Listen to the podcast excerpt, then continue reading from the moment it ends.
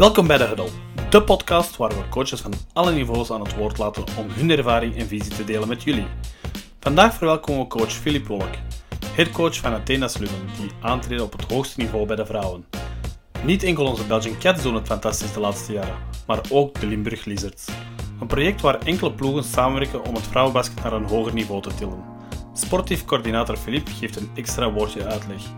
Mochten jullie nog vragen hebben voor ons, stel deze dan zeker via onze sociale media. Ready, set and enjoy the huddle. Hallo, dag eh, coach Filip. Hoe is het met jou? Alles goed? Met mij gaat alles super. Komt met jullie ook? Super, super Zeker en vast, zeker en vast. Top. Ehm, ja, bedankt dat je tijd wou vrijmaken. hè. We hebben even moeten zoeken naar, eh, naar een gaatje in, eh, in de agenda, want eh, naast uw functie van headcoach bij, bij Athena Slummen, ben je ook nog coach op de topsportschool en ook nog de coördinator van het vrouwenbasketproject eh, Limburg Lizards. Misschien leuk voor de mensen die daar nog niet van op de hoogte zijn. Kun je kort toelichten wat dat project en jouw rol juist inhoudt? Eh, dat kan ik zeker. Dus ik ben eh, de sportief coördinator van de Limburg Lizards. En wat is dat juist? Dat is een, een project in, in Limburg. Eh, in functie van meisjesbasketbal in de, in de meest brede vorm. Eh, oorspronkelijk was het een project tussen de clubs eh Basket Lum en Hassel BT. Dat waren twee clubs met een, met een, eh, een meisjeswerking. En eh, nu op dit moment is dat uitgebreid met ook de clubs Beringen en Stevoort. En de opzet van heel het project is gewoon dat ieder meisje dat bij ons basketbalt, vanaf U10, U12, dat die doorstromen naar de Lizards. En dan vanaf U14 kunnen wij ervoor zorgen dat we genoeg meisjes hebben om eh, iedereen op haar niveau te laten basketten. Dus dat was de bedoeling, omdat we op een bepaald moment zaten we met, ja, dat was destijds nog eh, landelijke meisjesreeksen. En waar we merkten dat, eh, ja, dat in sommige provinciale meisjesteams speelden meisjes die eigenlijk landelijk moesten spelen. In sommige landelijke meisjesteams speelden sommigen iets boven een niveau, waardoor ze niet ten volle het spelplezier hadden. Dus door, door, onze, ja, door onze aantal meisjes, door dat wat groter te kunnen maken, een grotere pool, kunnen we ervoor zorgen dat eh, iedereen op haar niveau speelt. Eh, afhankelijk van talent, eh, engagement, ambitie. Mhm. En, en dat is het uitgangspunt. En nu hebben we dus het doel eigenlijk tweeledig. Dus we proberen met, met iedereen die het talent heeft, het engagement en de ambitie om, om, het is uiteraard zeer moeilijk, maar die eventueel eerste nationale wil bereiken, die proberen we alle mogelijke kansen te bieden om naar uh, Lumme A door te groeien. En eh, daarnaast proberen we eh, dat iedereen eh, op haar niveau voldoende spelplezier heeft, kan vooruitgang maken en ook kan doorstromen naar de seniorteams van eh, alle clubs. En we hebben seniorteams op elk niveau. Eerste nationale, eerste landelijke, tweede landelijke. En dan de provinciale damesreeksen. En dat doen door, door mensen die een hart hebben voor damesbasket. Of er nu bestuursleden zijn. of coaches. allee, echt een, een damesproject. Dus Leuk, leuk, leuk. Ik denk dat dat inderdaad eh, eh, goed is, sowieso voor het vrouwenbasket hè, in de kijker te brengen eh, en verder te ontwikkelen. Nu, we hadden vernomen, Mike en ik, via jou trouwens, Filip, dat jullie binnen dat project werken op basis van een bepaald model. Hè, het model van de vijf C's. Ik denk dat dat voor vele mensen onbekend is. Uh, kunt je dat eens toelichten waarvoor dat die C's juist staan? om dat heel kort te kaderen.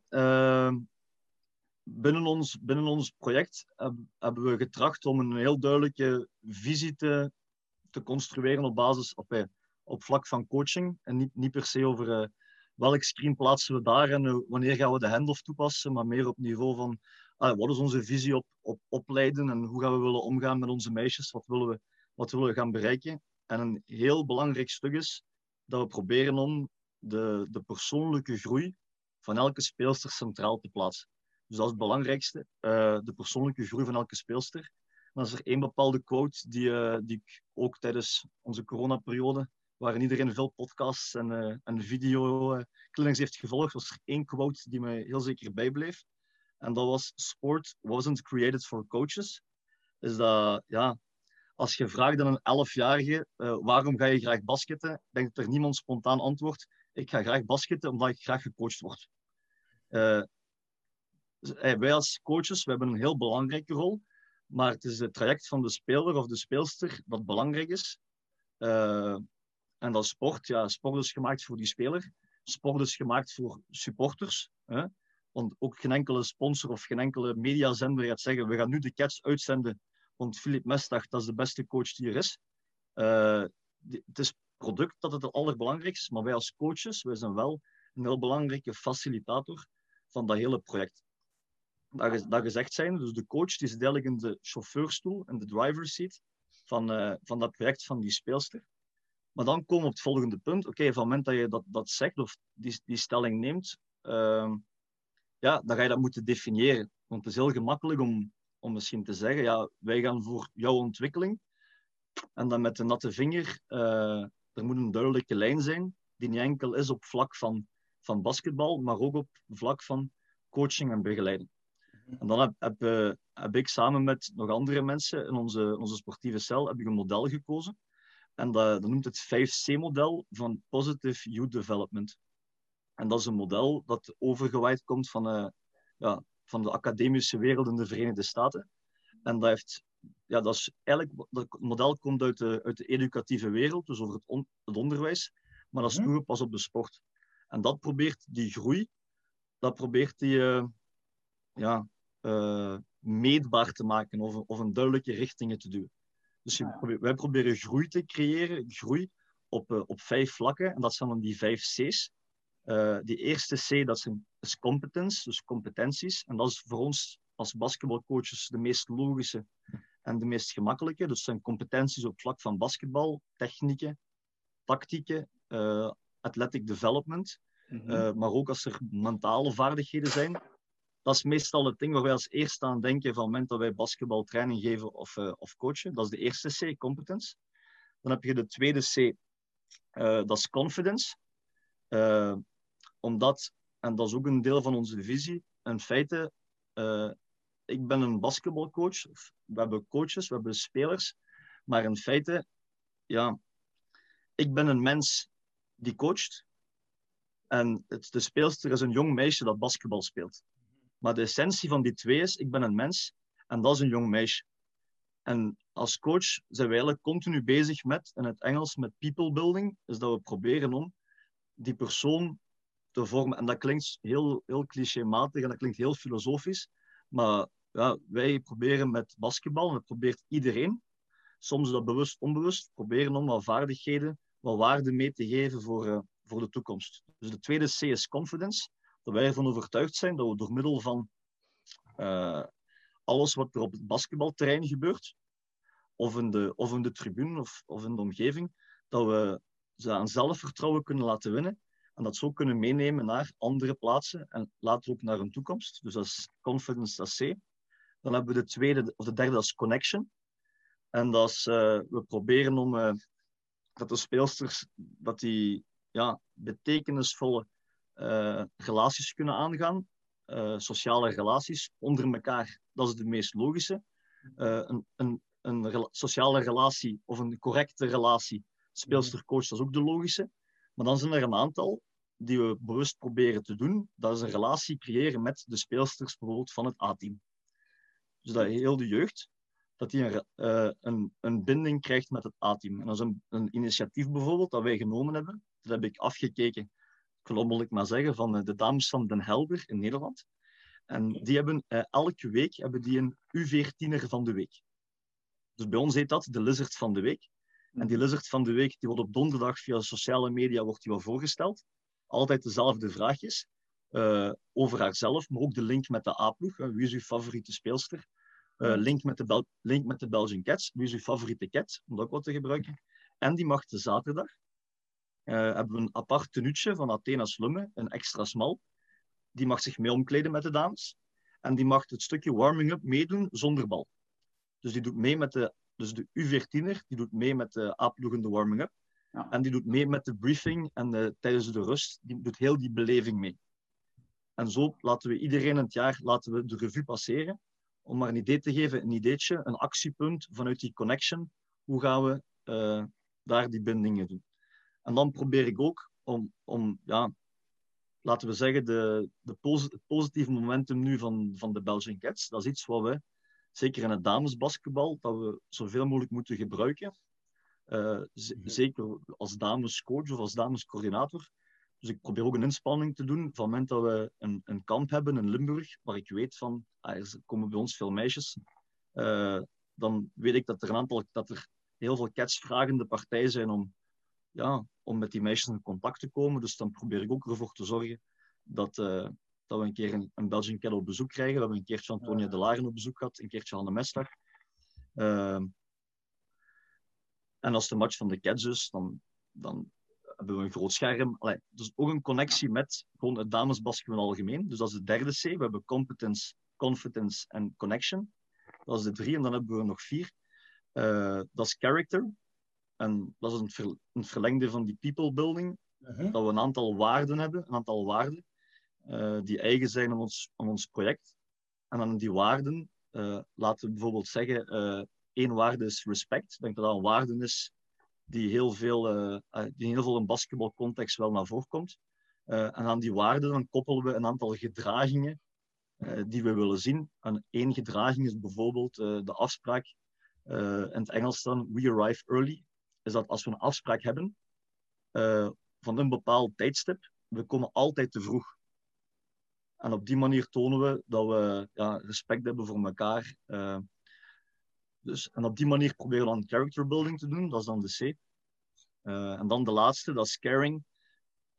Ja, dat we toch extra inzetten op, op een stukje empathie. En we zijn ervan bewust dat er heel veel emoties, emoties zijn. Of het nu mannenbasketbal of herenbasketbal is, er zijn heel veel emoties. Dat het factor team zijn en teamgenoot, dat dat wel een heel belangrijk is. Uh, van het moment dat wij een kamp doen met, uh, met onze meisjes, dan hebben we U19'ers, we hebben dan U10'ers. Uh, dan is bij mij altijd de gewoonte dat ik naar een aantal U19'ers ga en dat ik gewoon zeg, zie je die groep U10, jullie drie zijn dit kamp verantwoordelijk voor die drie, jullie drie voor die drie. En van het moment dat zij vragen hebben of iets problemen hebben met eten, dus op die manier heb je weer die connection en die, en die caring. Maar waarom is dat nu belangrijk voor mij? heel veel ac acties die, die ook normaal zouden kunnen plaatsvinden, die kun ik heel makkelijk kaderen binnen dat model. Je kunt ook je coaches kunnen dat model kunt je ook wat sturen, want dan komt bijvoorbeeld de vraag, wat gaan we doen? Coachen om te winnen, coachen om opleiden. En daar kan ik een heel, heel uitleg over plakken, maar ik kan ook gewoon zeggen, ja, dit is het model. ik snap niet in, van het moment dat bij de U14 een meisje niet speelt, ja, hoe ze daar aan haar zelfvertrouwen gaat winnen. Ik zie niet in. Uh, zegt jij dat zij via onze waarden iets verkeerd heeft gedaan of ze volgen onze waarden niet? Oké, dan moet er eerst een gesprekje volgen, sowieso. Maar je kunt heel veel binnen dat kader kunt je, kunt je coveren. Jullie, jullie zitten in de situatie dat jullie elke wedstrijd wel uh, moeten knokken. Hè? Uh, ook heel chapeau wat jullie doen. Dus automatisch gaat er bij mij ook een belletje rinkelen dat jij een enorm goede motivator moet zijn. Uit uh, goede bronnen heb ik iets vernomen dat jij ook als speler al een goede motivator was. Dat je ooit hebt beloofd om het lidgeld terug te betalen als je wedstrijd won. er, je weet al direct waarschijnlijk welke speler het gezegd heeft. Um, zijn er nog zo van die dingen die je probeert te doen om speelsters wakker te maken? Ja, want die motivatie moet er elke week zijn, hè? Dus even dat inscheldsverhaal, dat was uh, een, een, tweede provinciale. En ik zei tijdens de rust, mannen, als we vandaag winnen, dan krijgt iedereen zijn lidgeld van mij. Maar ja, dat was... Uh, we moeten nog steeds storten. Ja. maar je hebt wel uh, een drankje... We hebben gewonnen. We hebben gewonnen, we hebben gewonnen. Nee, ja, ik... op, op, vlak, op vlak van motivatie, ik denk dat dat vooral heel belangrijk is dat ja, dat, je de, dat je iedereen probeert op de juiste, op de juiste snaar te geraken, de juiste snaar te bespelen. En ik ben er me van bewust dat ik er nog steeds niet in slaag. En dat het moment dat je een team van 12 hebt, dat je van het moment dat je een boodschap geeft aan de groep, dan denk je dat dat de juiste boodschap is voor de groep. Maar het kan goed zijn dat er bepaalde speelsters, ja, dat die misschien een, een andere vorm van motivatie nodig hebben. Uh, en dan ja, zijn er sommige speelsters die door middel van humor beter, beter bespeeld worden. En anderen die hebben een keer een hard woord nodig. Maar, maar ik zeg, dat als je iets, iets langer met een, groep, met een groep samenwerkt, of met speelsters samenwerkt, dan leer je elkaar op dat manier ook beter kennen. Uh, ik probeer zeker niet uh, elke, elke wedstrijd zo'n Walt Disney speech af te steken van uh, hier, deze speech heb ik nog eens in een bepaalde film gezien, dus ik ga die nu bovenhalen. Uh, probeer altijd een soort van, ja, niet een vaste routine te hebben in een, in een, in een briefing, uh, maar toch altijd ja, een, een bepaalde boodschap meegeven.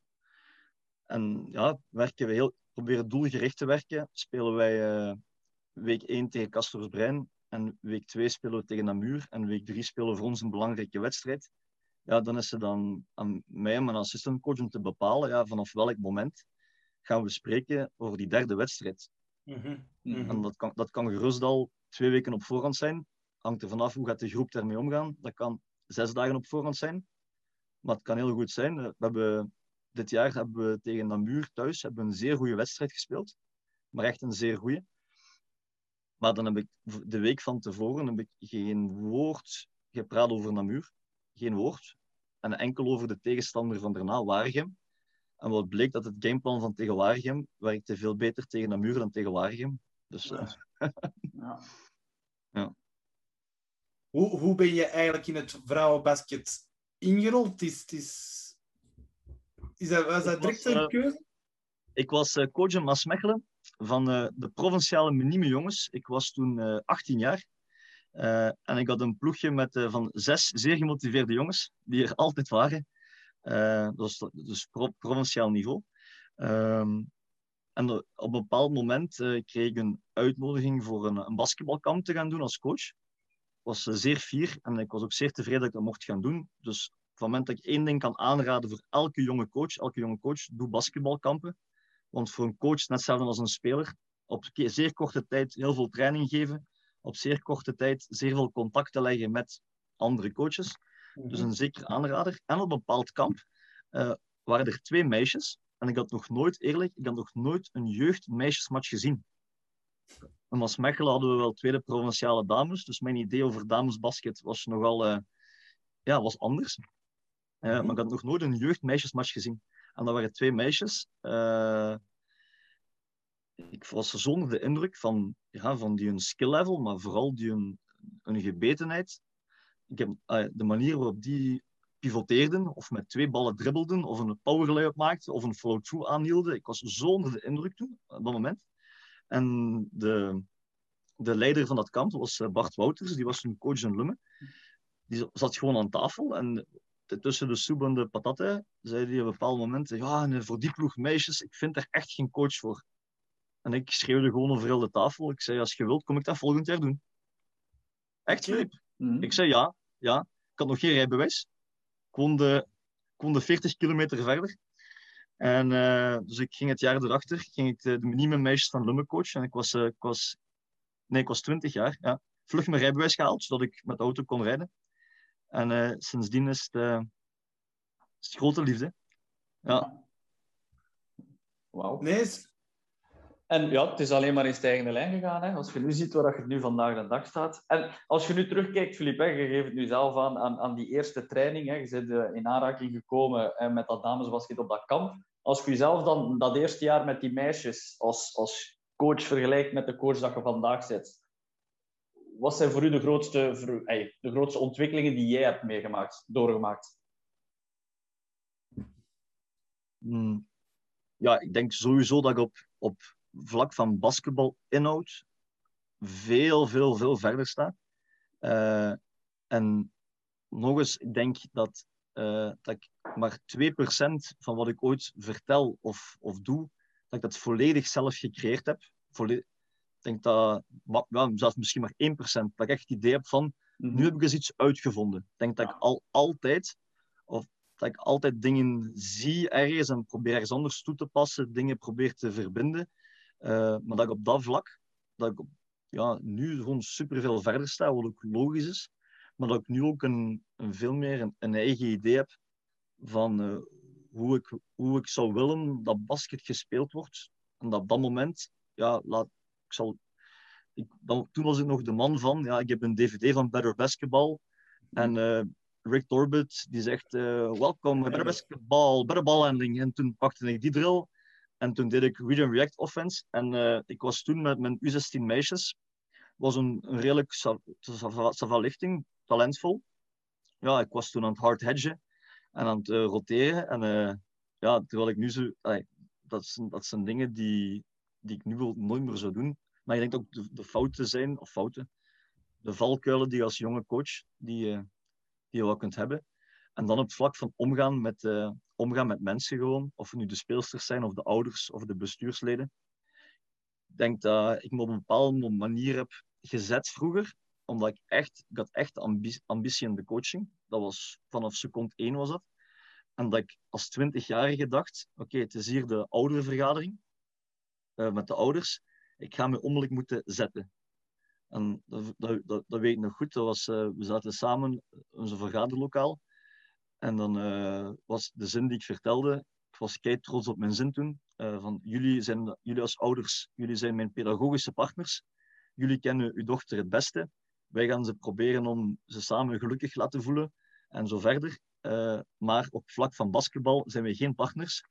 je mocht altijd naar me toe komen om over basket te praten, maar weet heel goed, mijn idee verandert daarover niet. klaar. Dat was dus de 20-jarige snaak ik had nog geen gezichtsbeharing en uh, ik had nog geen diploma. En, dus ik, achteraf gezien, ja, dat was dus totaal verkeerd. Uh, en zo zijn er nog voorbeelden. Ja, twee jaar later werd ik seniorcoach bij de dames. Ik was toen uh, 23. En uh, mijn jongste speelster die was 21. En daarna, mijn oudste, die was 334. En dat was ook, ja, me willen zetten en we willen laten zien dat ik, dat, dat, dat ik in charge ben en de baas ben, terwijl ik nu al besef dat het het gevolg moet zijn van u gaat uw competenties zien als coach op vlak van basketbal, maar ook als mens op relationeel vlak. Laat je mhm. zien waar je voor staat en wat je kunt. En dan zal de omgeving zal wel zien uh, of wel een oordeel vellen en laten we hopen dat het een positief oordeel is. Ja. Op dat vlak ben ik wel uh, geëvolueerd. We, we hebben van u een, uh, een kliniek gezien en daar, daar zeg je het zelf. Hè. Ik ben in een, paar jaar een YouTube-coach geweest, of uh, zo, noem je het denk ik uh, in de kliniek. het gebeurt veel bij coaches hè. En, en je hebt zoveel inspiratie. Hoe zou jij aan de jonge coaches kunnen zeggen, hoe ga je om met die inspiratie? Ik denk dat het, denk dat coach Bauerman was, of iemand die zei van, als coach moet je niet laten zien hoeveel dat je kent de spelers moeten weten. Ja, dus, maar welke tips zou jij aan de spelers kunnen geven? Want je hebt het zelf ervaren. Uh, hoe gaat, moeten zij omgaan met die inspiratie? Wat, wat moeten ze doen? Ik denk dat het heel belangrijk is dat, uh, dat het, het, waarom achter iets, het waarom achter een drill, of waarom achter een play, of waarom achter een concept, dat dat super duidelijk is. Mm -hmm. Ik heb nog nooit, maar ook nooit gezegd, of naar een training gekeken of naar een wedstrijd gekeken en gewoon gezegd: Amai, dit is een slechte drill. Nog nooit, omdat je niet weet van wat is het idee erachter bij die coach. Uh, en, en ik, ben, ik mezelf gelukkig dat ik dag in dag uit dat ik continu zeer goede trainers bezig zie. Dat is een super grote luxe, dat je heel veel trainingen kunt zien. Uh, en ja, ik, ik vind het ik vind, uh, om maar een idee te geven, ik, uh, ik pak bijvoorbeeld de 11-man drill. En dat er mhm. verschillende clinics, dat er veel dingen over gezegd wordt. Uh, dat is niet game-like. Dat is perfect, dat is niet game-like. maar is het idee erachter? Ja, ik wil een game-like situatie 3 tegen 2 creëren. Ja, oké, okay, dat kan, maar dan moet je de videocassette opzetten en zeggen: Oké, okay, ik kijk 100 matchen en hoeveel matchen zie je een 3 tegen 2 dat niet wordt geëindigd met gewoon een open driepunter, bijvoorbeeld. Maar oké, okay, zwart, maar als het, als het idee erachter is, het idee achter, ik doe die opstelling en die drill om, mijn, om, om, te, om maar een idee te geven, om te oefenen op transitie driepunters. We willen full court gaan, we hebben iets wat defense, we hebben iemand die contest, maar het idee is, we zijn met drie, we pushen de bal en we shotten enkel drie zijn transitie. Ja, waarom zou die setup verkeerd zijn? Mhm. Maar het is een andere waarom. Het is altijd de waarom achter de drill. Uh, uh, ja, shooting per twee op een training, shooting per twee. Ja, iemand die stilstaat, iemand die rebound en die gewoon shots neemt. Ja, dat is niet game-like shooting. Helemaal niet. Mhm. Maar als de doelstelling niet is van die oefening voor game-like shooting, en de doelstelling is, ik wil mijn speler of speelster een goed gevoel creëren bij een eigen shot, waar ze bij niet te veel moet nadenken en rustig in de shooting komen, dan is het een heel goede drill. Mhm. Terwijl het één willekeurige coach komt in de zaal en die zegt, amai, dat is wel niet game-like, hè.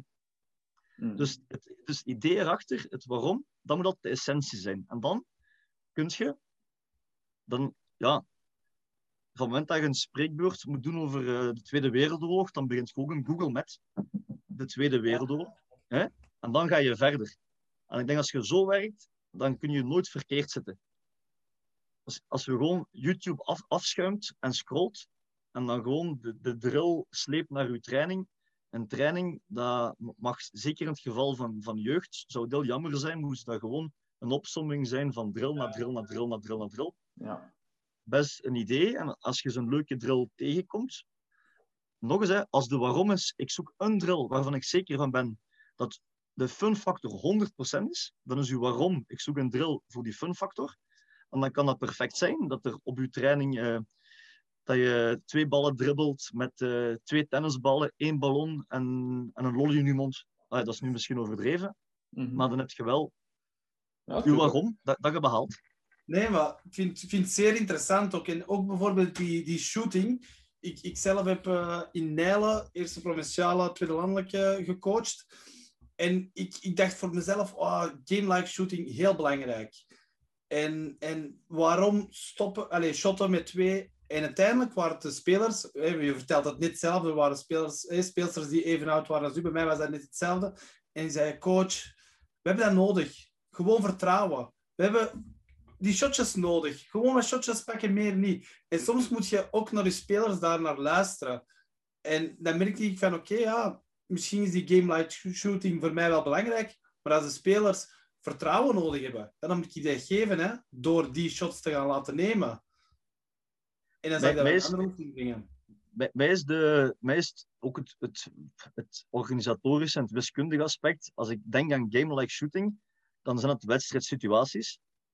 Dus pak dat je op een training bent met 12 spelers, ja, dan ben je al rap op, gewoon op twee half courts bezig, of, of zelfs maar op één half court. Simpele drill, game-like shooting, driving kick. Mm ja, simpele drill. Oké, er is een wedstrijdmovement die, eh, die dik in orde is. Er is nog steeds geen defense laten we zeggen, op die één minuut neemt iedereen vier shots. Dan hebben we game-like shot. Terwijl ik met een passer en een rebounder, ja, op die minuut of, of een andere setup, heb ik hier misschien 15. En dan is de vraag wat je hebt, waar hebben we het meeste resultaat al op het einde van de training? 20 game-like shots of er 100 op die manier? 100. Dus dan denk ik dat die, die factor van game-like shooting, dat, dat precies beter naar voren komt in drills, zoals ik misschien juist vertelde, van ja, het is een 3 tegen 2 setup.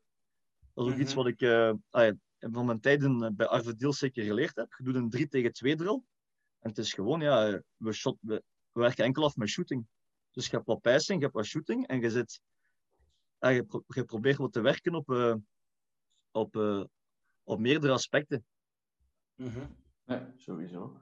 Um, ja, je brengt de naam nu zelf naar boven, uh, Arvid Diels. Hè, voordat je naar Lumens bent gegaan om daar headcoach te worden. Je ja, bent aan de slag geweest bij SKW, hè, waar dat je samen met Arvid in de coachingstaf zat.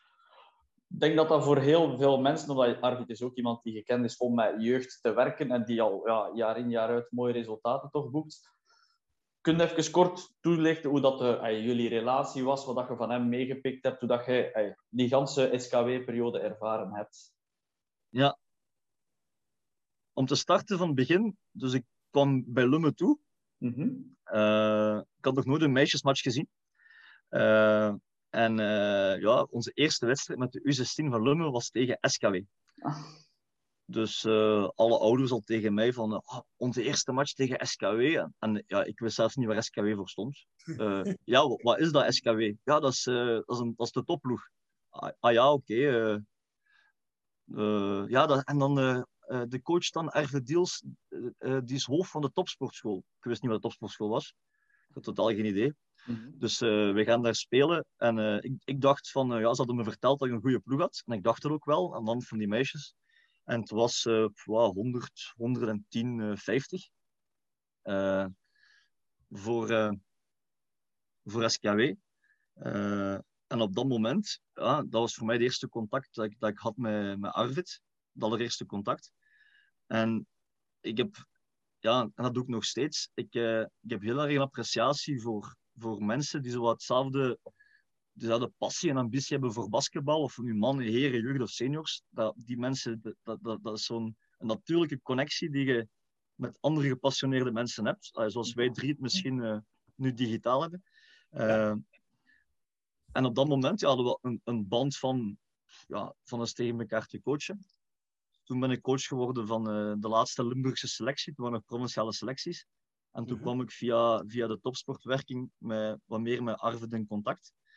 En uh, ja, die, die, jaren verstreken zowat. En uh, op bepaald moment uh, heb ik gewoon de stap gezet, omdat ik, ja, ik probeer altijd om plaatsen op te zoeken die me blijven prikkelen, maar ik ook zeker van ben waar ik zeker veel ga bijleren. En toen heb ik de stap gezet. En een keer kunnen we, is er misschien bij in de club een plaats voor mij als assistant coach om, om, om bij jullie te werken en ook van, van u te leren. Uh, dat is, een jaar is dat niet gelukt. En het jaar erachter uh, is dat wel gelukt. En toen heb ik daar de U16 gecoacht en was ik assistent van, uh, van de A-ploeg. Dus toen ben ik verhuisd van het landelijke Maasmechelen naar het stedelijke Mechelen. En heb ik daar twee jaar gezeten. En vooral, vooral de cultuur, en dat is een heel, heel belangrijk aspect vind ik, de cultuur van, ja, ik, je stapte daar de zaal binnen voor mezelf. En elke persoon die je in die zaal tegenkwam, of nu de coaches of een speelster, of de vrijwilliger aan de toog, of de persoon die de muur aan het verven was, iedere persoon die daar binnenkwam, die zei van, ik ga het maximale halen uit mezelf en ik ga het maximale halen uit deze club. En dat, dat is zo'n uniek gevoel. En dat is ook het Mhm. gevoel wat je als tegenstander, van het moment dat je die zaal binnenkwam, dus op zich, ik, ik vind het zeker spijtig dat, eh, dat die A-ploeg daar niet meer gaat spelen, want dat was altijd zo'n speciaal gevoel in die zaal. Maar dat ook een gevoel dat je als tegenstander gemakkelijk ervaarde van oei, oei, ik, ik speel hier vandaag niet tegen twaalf spelers. Mhm. Eh, hier, hier is, en dat, ja, en, en op, sowieso op, eh, ja, op, eh, op vlak van, van basketbal. En allee, daar, daar bedank ik Arvid ook nog steeds voor. Dat, eh, ja, hij heeft zich gewoon helemaal opengesteld. Eh, en ik heb ook heel veel geleerd uit zijn verhalen over vroeger, zijn fouten die hij gemaakt heeft, die hij met mij gedeeld heeft. En, eh, Mhm. Zijn er voor nog zo'n coaches die een invloed hebben gehad op je carrière als coach of waar dat je naar opkijkt? Ehm, ja, eh, sowieso als ik eh, in het verleden terugga, dan ga ik sowieso. Hij heeft wel geen Facebook of Instagram, dus ik zal mijn, mijn papa wel filmpje laten zien. Maar ja, Ja. mijn vader heeft me heel lang gecoacht, was ook lang mijn coördinator. Eh, en eh, ja, onze ruzies zijn ontelbaar. Maar laten we zeggen dat ik er ook heel veel uit geleerd heb. Eh, ja, hij was dus mijn coach en ik was jonge snater. Dus normaal gezien, als je dan de zoon zit van de coach, dan heb je ruzie over speeltijd en over dat en dat en dat. Maar wij hadden ruzie over het feit dat ik zei, ja, die drill, had je die lijntjes wat meer daar gezet, dan ging dat doorschuiven veel vlotter. Eh, nee, maar hij heeft, eh, hij heeft heel veel ervaring met mij gedeeld en hij heeft ook gezorgd dat ik een voorsprong kon nemen. Omdat ik allee, heel... Coachen, dat is trial and error, sowieso. Op, op- vallen en opstaan. Maar hij heeft ervoor gezorgd dat ik heel veel keren, heel veel keren misschien zelf niet gevallen ben of niet in valkuil, omdat ik al veel van thuis had meegekregen. Ja. En dan eh, in Limburg, eh wij, wij hadden Tony Soevereins, eh, spijtig genoeg overleden, maar die heeft samen dan met Bart Wouters, die ik eh, eerder heb genoemd, dat zijn Ja. zo wat de twee personen die, eh, eh, die sowieso heel veel voor mij betekend hebben eh, in mijn evolutie als coach. En dan mijn collega's op school, ja, dat is, dat is ongelooflijk. Gewoon het feit dat, je, ja, dat je elke dag daar staat training te geven en dat links en rechts en voor en achter u een ander coach staat en waar je continu over, over basketbal kunt praten. En vooral wetende van dat niet iedereen heeft 100% dezelfde visie. Dus dat is des te interessanter, maar je wilt allemaal naar hetzelfde toewerken. Eh, en ik denk dat van het moment dat ideeën botsen, maar je hebt wel hetzelfde doel, dat je dan eh superveel kunt bijleren. hè. Ja. Eh, of verprikkeld kunt worden. Ja, is, En dan in het algemeen, ik uh, heb wel appreciatie voor... Uh, uh, ja, ik ga gewoon in mijn, in, mijn, in mijn branche blijven. Dat is Gino Oriema en dat is de coach van Yukon Dames.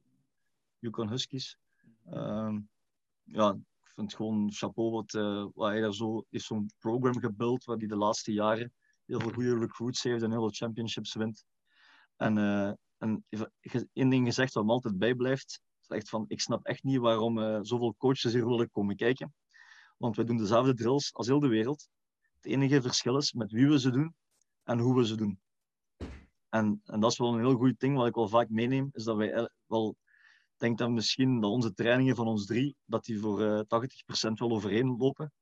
Uh, maar de verschillen zitten misschien in gewone, ja, hoe we het aanpakken of met welke invalshoek. Dus dat vond ik heel interessant. Ja, inderdaad. En ik denk dat daar dan juist die vraag, zoals dat je er straks zelf zei, de waarom ook heel belangrijk is. Hè? Waarom doe ik een bepaalde drill? Uh, nee, zeker leuk om mee te geven. Filip, ik heb ooit uh, zelf ook eens met Arvid uh, in de cafetaria gezeten en, en ook al over vrouwenbasket aan het praten geweest. En waarin hij vertelde van, ik heb het geluk bij SKW dat mijn vrouwen eigenlijk best wel op een mannenniveau kunnen spelen. Dus het verschil tussen mannen- en vrouwenbasket. En ik denk dat dat ook iets is dat jij bij Lumen wel probeert te implementeren. Niet alleen het fysieke, maar de andere aspecten van het mannenbasket in het vrouwenbasket. Dat klopt? Uh, ja, ja. Ik denk dat ook te maken heeft met het feit dat, uh, zoals ik zelf vertelde, ik had nog geen idee over het meisjesbasket. Mm -hmm. Ik had er nog geen idee over. Dus ik, heb ik ben van mijn jongensploeg naar de meisjes gegaan. En meisjes met, die hadden redelijk wat skills.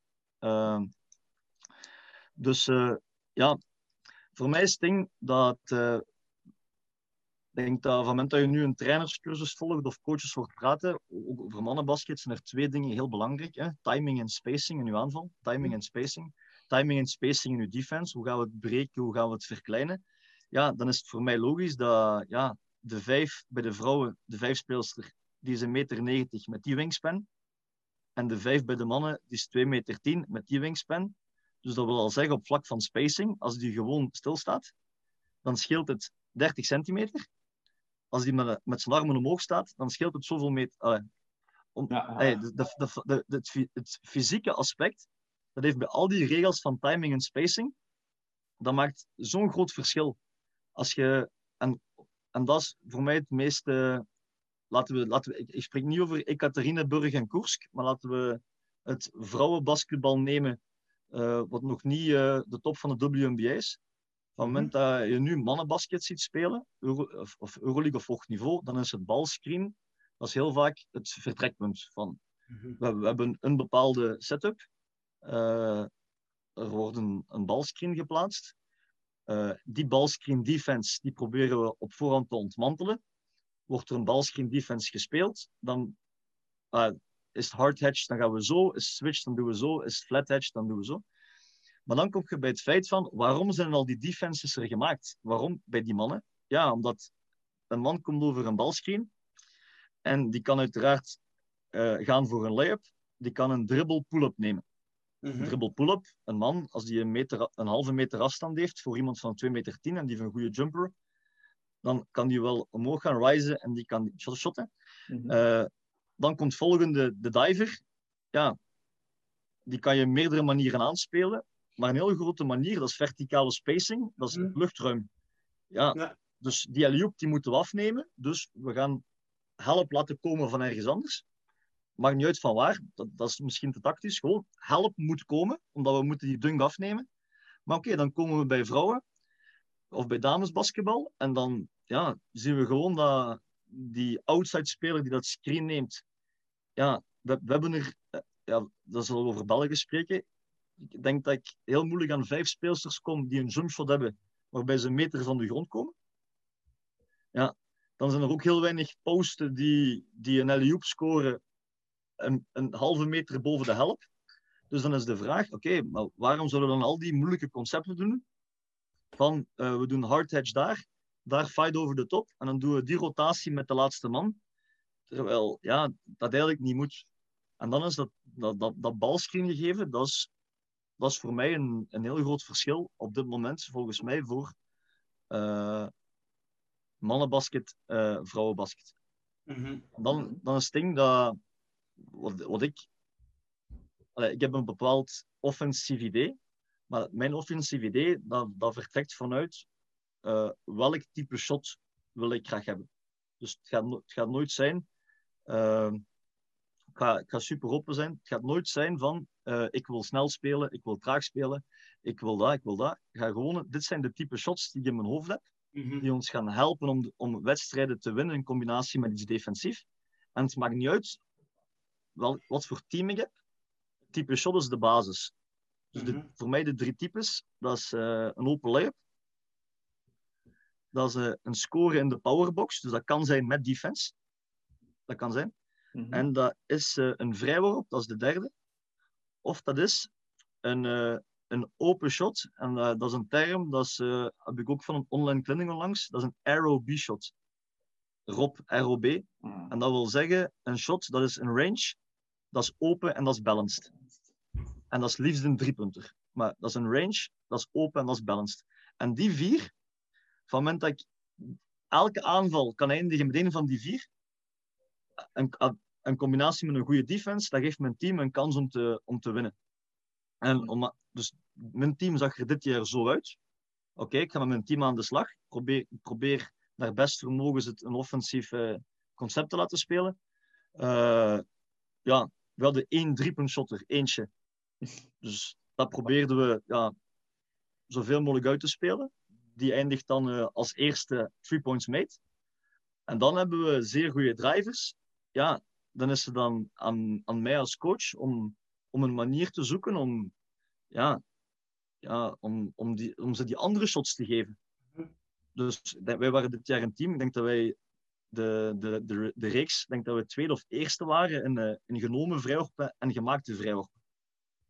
En dat, ik vind het wel een prestatie als je gewoon ziet van, ja, dat we redelijk smal zijn, redelijk smal. En dat we qua, qua types shots, ah van het moment dat u, u, u, u dragende 1, 2 en 3 speelsters, als die een, allee, uh, om een idee te geven, Miete Celos, die dit jaar heeft laten we het laten we vlug zeggen, die vijf driepunters gemaakt en die voor negen geprobeerd.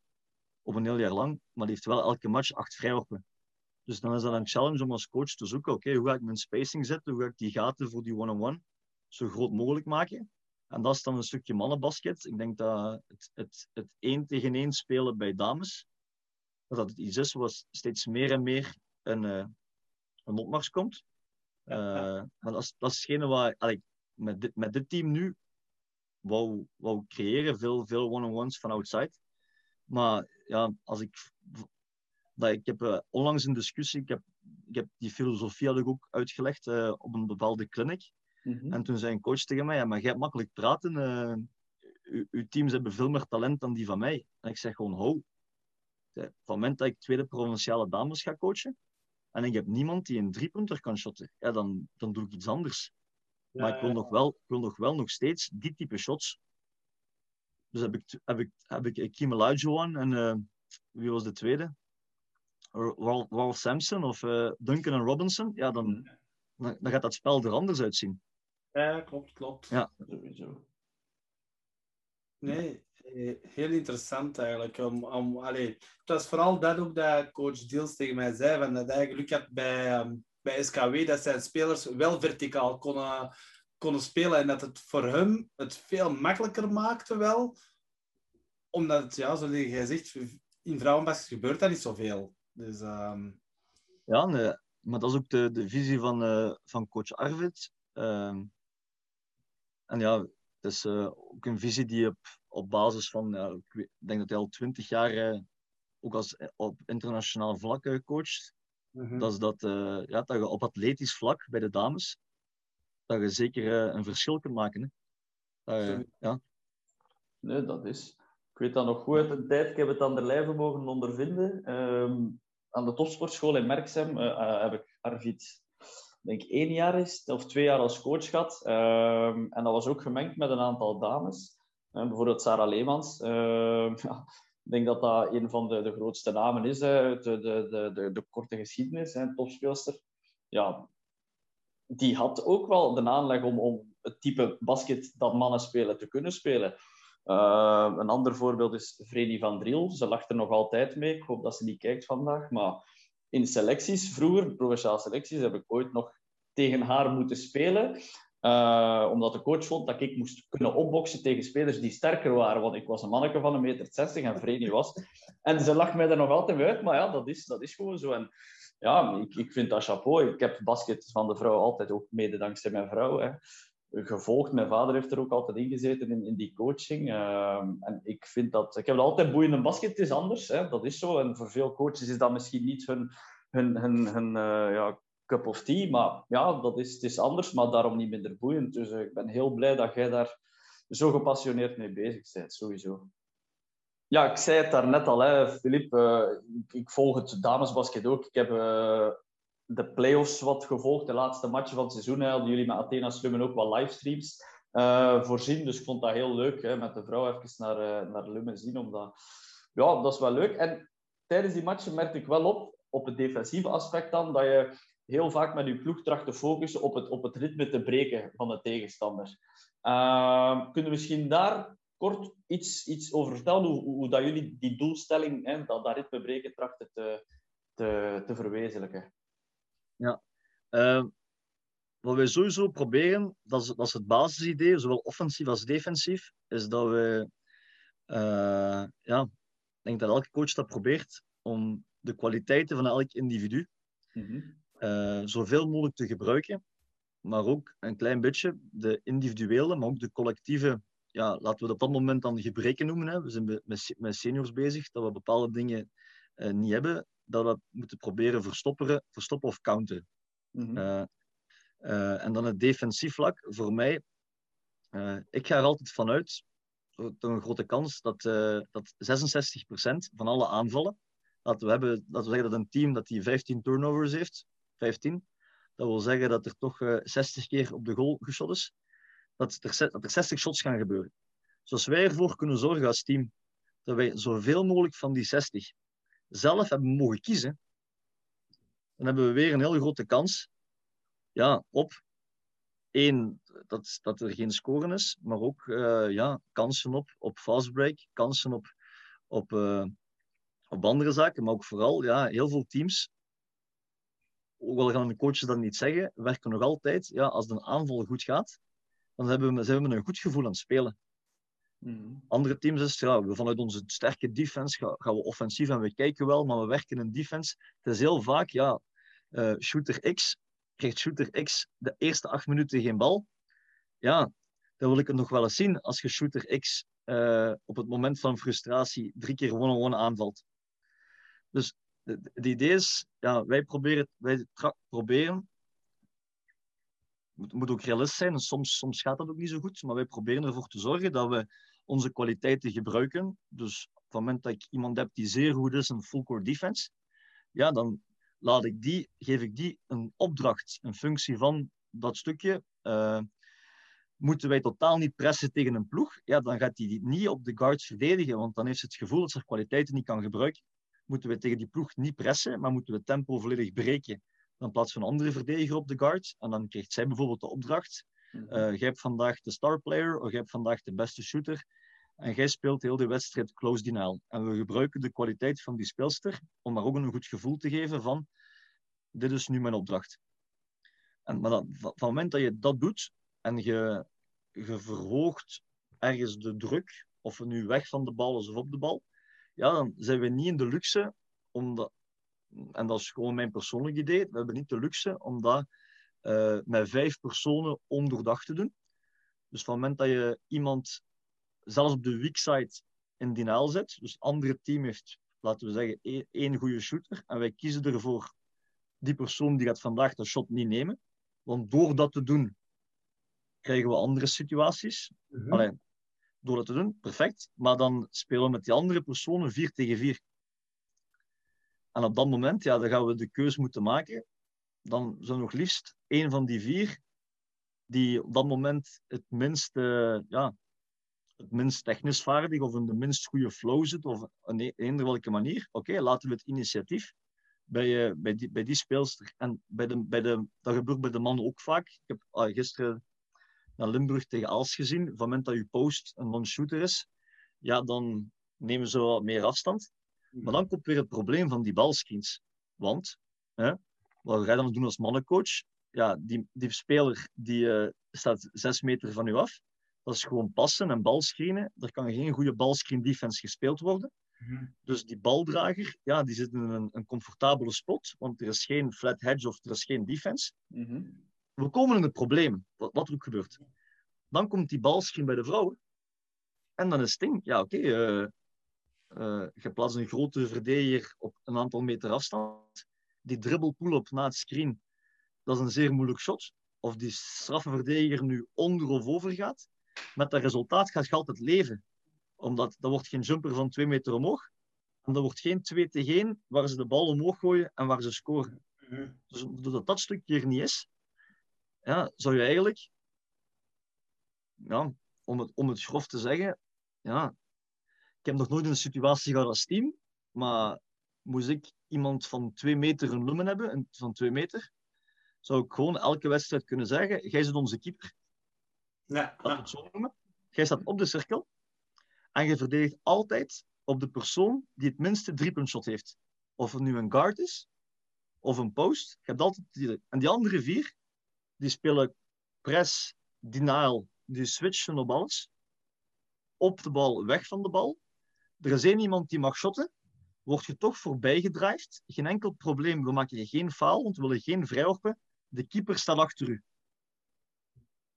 Ja. Mhm. Nee, nee, nee. En dan, ja, en dat, dat, dat, is, dat zo bij mannen is dat iets moeilijker, omdat ja, of je nu guard bent, je gaat screenen en, uh, en, en het is open. Dus dat, dat, is, dat is wat het idee van, van ritme breken. En oké, okay, het, is, het is niet sympathiek, ik weet dat, maar moet je jezelf voorstellen als speler, als ik als speler de bal krijg buiten de driepuntlijn en mijn verdediger staat op vijf meter van mij, ja, en ik zie links en rechts van mij wordt er gedenaald, en ja. wat gebeurt er? Ja, want we zeggen allemaal, ja, vrouwen moeten we positief coachen. Dus dat eerste shot gebeurt, want je gaat die bal shotten. Ja, is die binnen met de plank, dan is celebrated. Is die binnen, dan zeg je ook, oké, okay, daar, daar leven we mee, dat is het plan. Maar is die bal mis, dan zegt die coach, dat is niet erg, goed gedaan, je doe het nog eens. En voor je het weet, en, en hopelijk, hopelijk, is de derde bal binnen. Hopelijk. Want bij 0 op 3 gaat ze het niet meer doen. Bij 1 op 3, dan hebben we hopelijk op het einde van het kwart, hebben we 3 op 15. Zelfs een soort mindgame dat je dan zelf als coach speelt. Ja, maar oké, okay, ik ben nu heel... Uh, het is niet dat dat nee, nee, maar het is, is maar om maar over na te denken. Mhm. Mm -hmm. En dan krijg je heel vaak wedstrijden.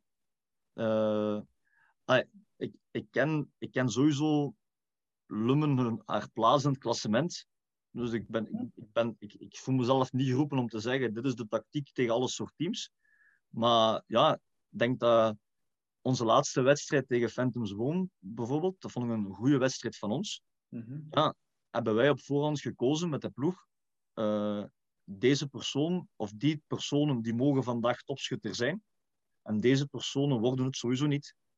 En dan hebben wij, dan hebben wij de kans om te winnen. Filip, mm -hmm. Ja. Heel interessant om over, allee, om over te praten. Wat je nu zegt van we, we kiezen dit, ga je echt over de persoon kiezen. Heb jij ook zoiets van welke shots dat je wilt laten nemen? Bijvoorbeeld bij de vrouwen dan denk ik direct aan uh, de dribble pull-up. Is dat iets dat je dan wel wilt weggeven? Of is het echt bij u puur op de persoon wie dat de shot moet nemen? Nee, het is, het is ook gewoon een, een type. Dat, het is bijvoorbeeld die dribble pull-up. Mm -hmm. uh, van het moment dat wij, een, dat als je een close-out doet op een, uh, op een, op een speelster die, die een degelijk shot heeft, laten we een degelijk, dan gaan we altijd kiezen geen driepunter. Ja. Dus word je voorbij gedrijfd, dan, uh, dan is dat het geval, maar daar geven we, daar geven we geen driepunter. balscreens, ja, de keuze dit jaar was voor mij was heel veel om, uh, om een veld te switchen, om over te gaan. Maar dat was eerder in de optiek van uh, ja, om, om de agressiviteit te behouden en de agressiviteit wat te, wat te verhogen. Ja. Maar het is, het is niet dat we zo in termen praten van ja, uh, we laten, in de corner laten we wel toe en op de top niet. En die dribbel pull-up wel. dat is niet zo. het is eerder gewoon ja, de, denken een, functie van onze eigen kwaliteiten en hoe gaan we die plaatsen tegenover de kwaliteiten van de anderen. zonder, want dat is bijvoorbeeld ook belangrijk, het is niet elke week een totaal ander idee vertelt, om gewoon de wedstrijd links of rechts om, om die te winnen. Ik denk dat je op een bepaalde manier je speelster er ook op training mee helpt en begeleidt. Het is mhm. alleen ja, dat je op training die bepaalde boodschappen, zeker bij jeugd zou ik dat nooit doen, maar bij seniors is het ook gevaarlijk. Ja, je kunt moeilijk op je eigen training gaan zeggen, uh, Josephine uh, kan niet shotten, dus blijf, blijf, drie meter, blijf drie meter van haar af. Uh, ja, gaat niet, gaat niet een goede aarde vallen. nee, dan uh, gaat het uh, uw derde C van confidence niet meer zo, zo nee. goed slagen, denk ik. Nee, dat is waar. Nee, dat is de C van C4, denk ik. dat, zou, dat, zou kunnen. Nee, nee maar je ziet, ay, dat, is, dat is altijd leuk om over zo'n dingen te babbelen, natuurlijk. Hè. Dus uh, nee, super, super. Ja, merci voor die insight, alleszins. Top. Um, Mike, had jij nog een vraag? Of was dat... Nee, ik, ik vond het een, eh, een, een, zeer, zeer interessant gesprek. En, uh, allee, ik denk dat het voor iedereen heel interessant is om je ook weer, hè, na Tanja Popivoda, om weer eens een, een coach te hebben om over het vrouwenbasket te babbelen. We, we, praten altijd wel over de Belgian Cats, die het fantastisch doen, maar ik denk dat we te, veel, te weinig insight information eigenlijk hebben van hoe dat het vrouwenbasket er eigenlijk uitziet.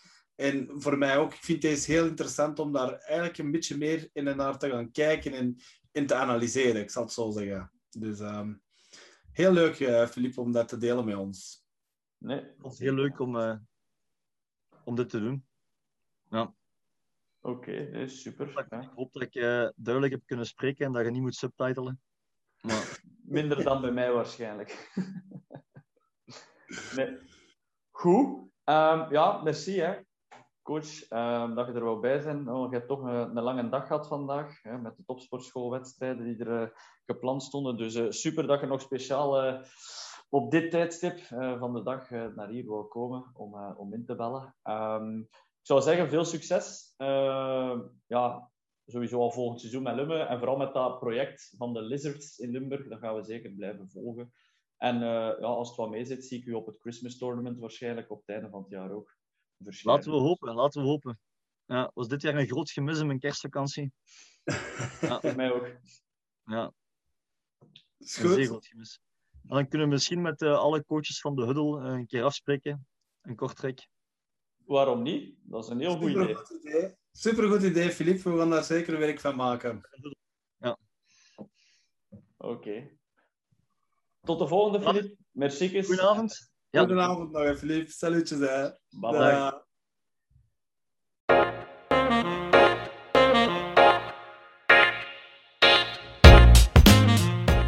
Onze volgende gast werkt aan de andere kant van de taalgrens. Sam Rotsaert levert dit seizoen fantastisch werk met Spirush Galerwa. Heb jij een vraag voor hem? Twijfel dan niet en stuur ze via onze sociale media. Bedankt om te luisteren en tot volgende week.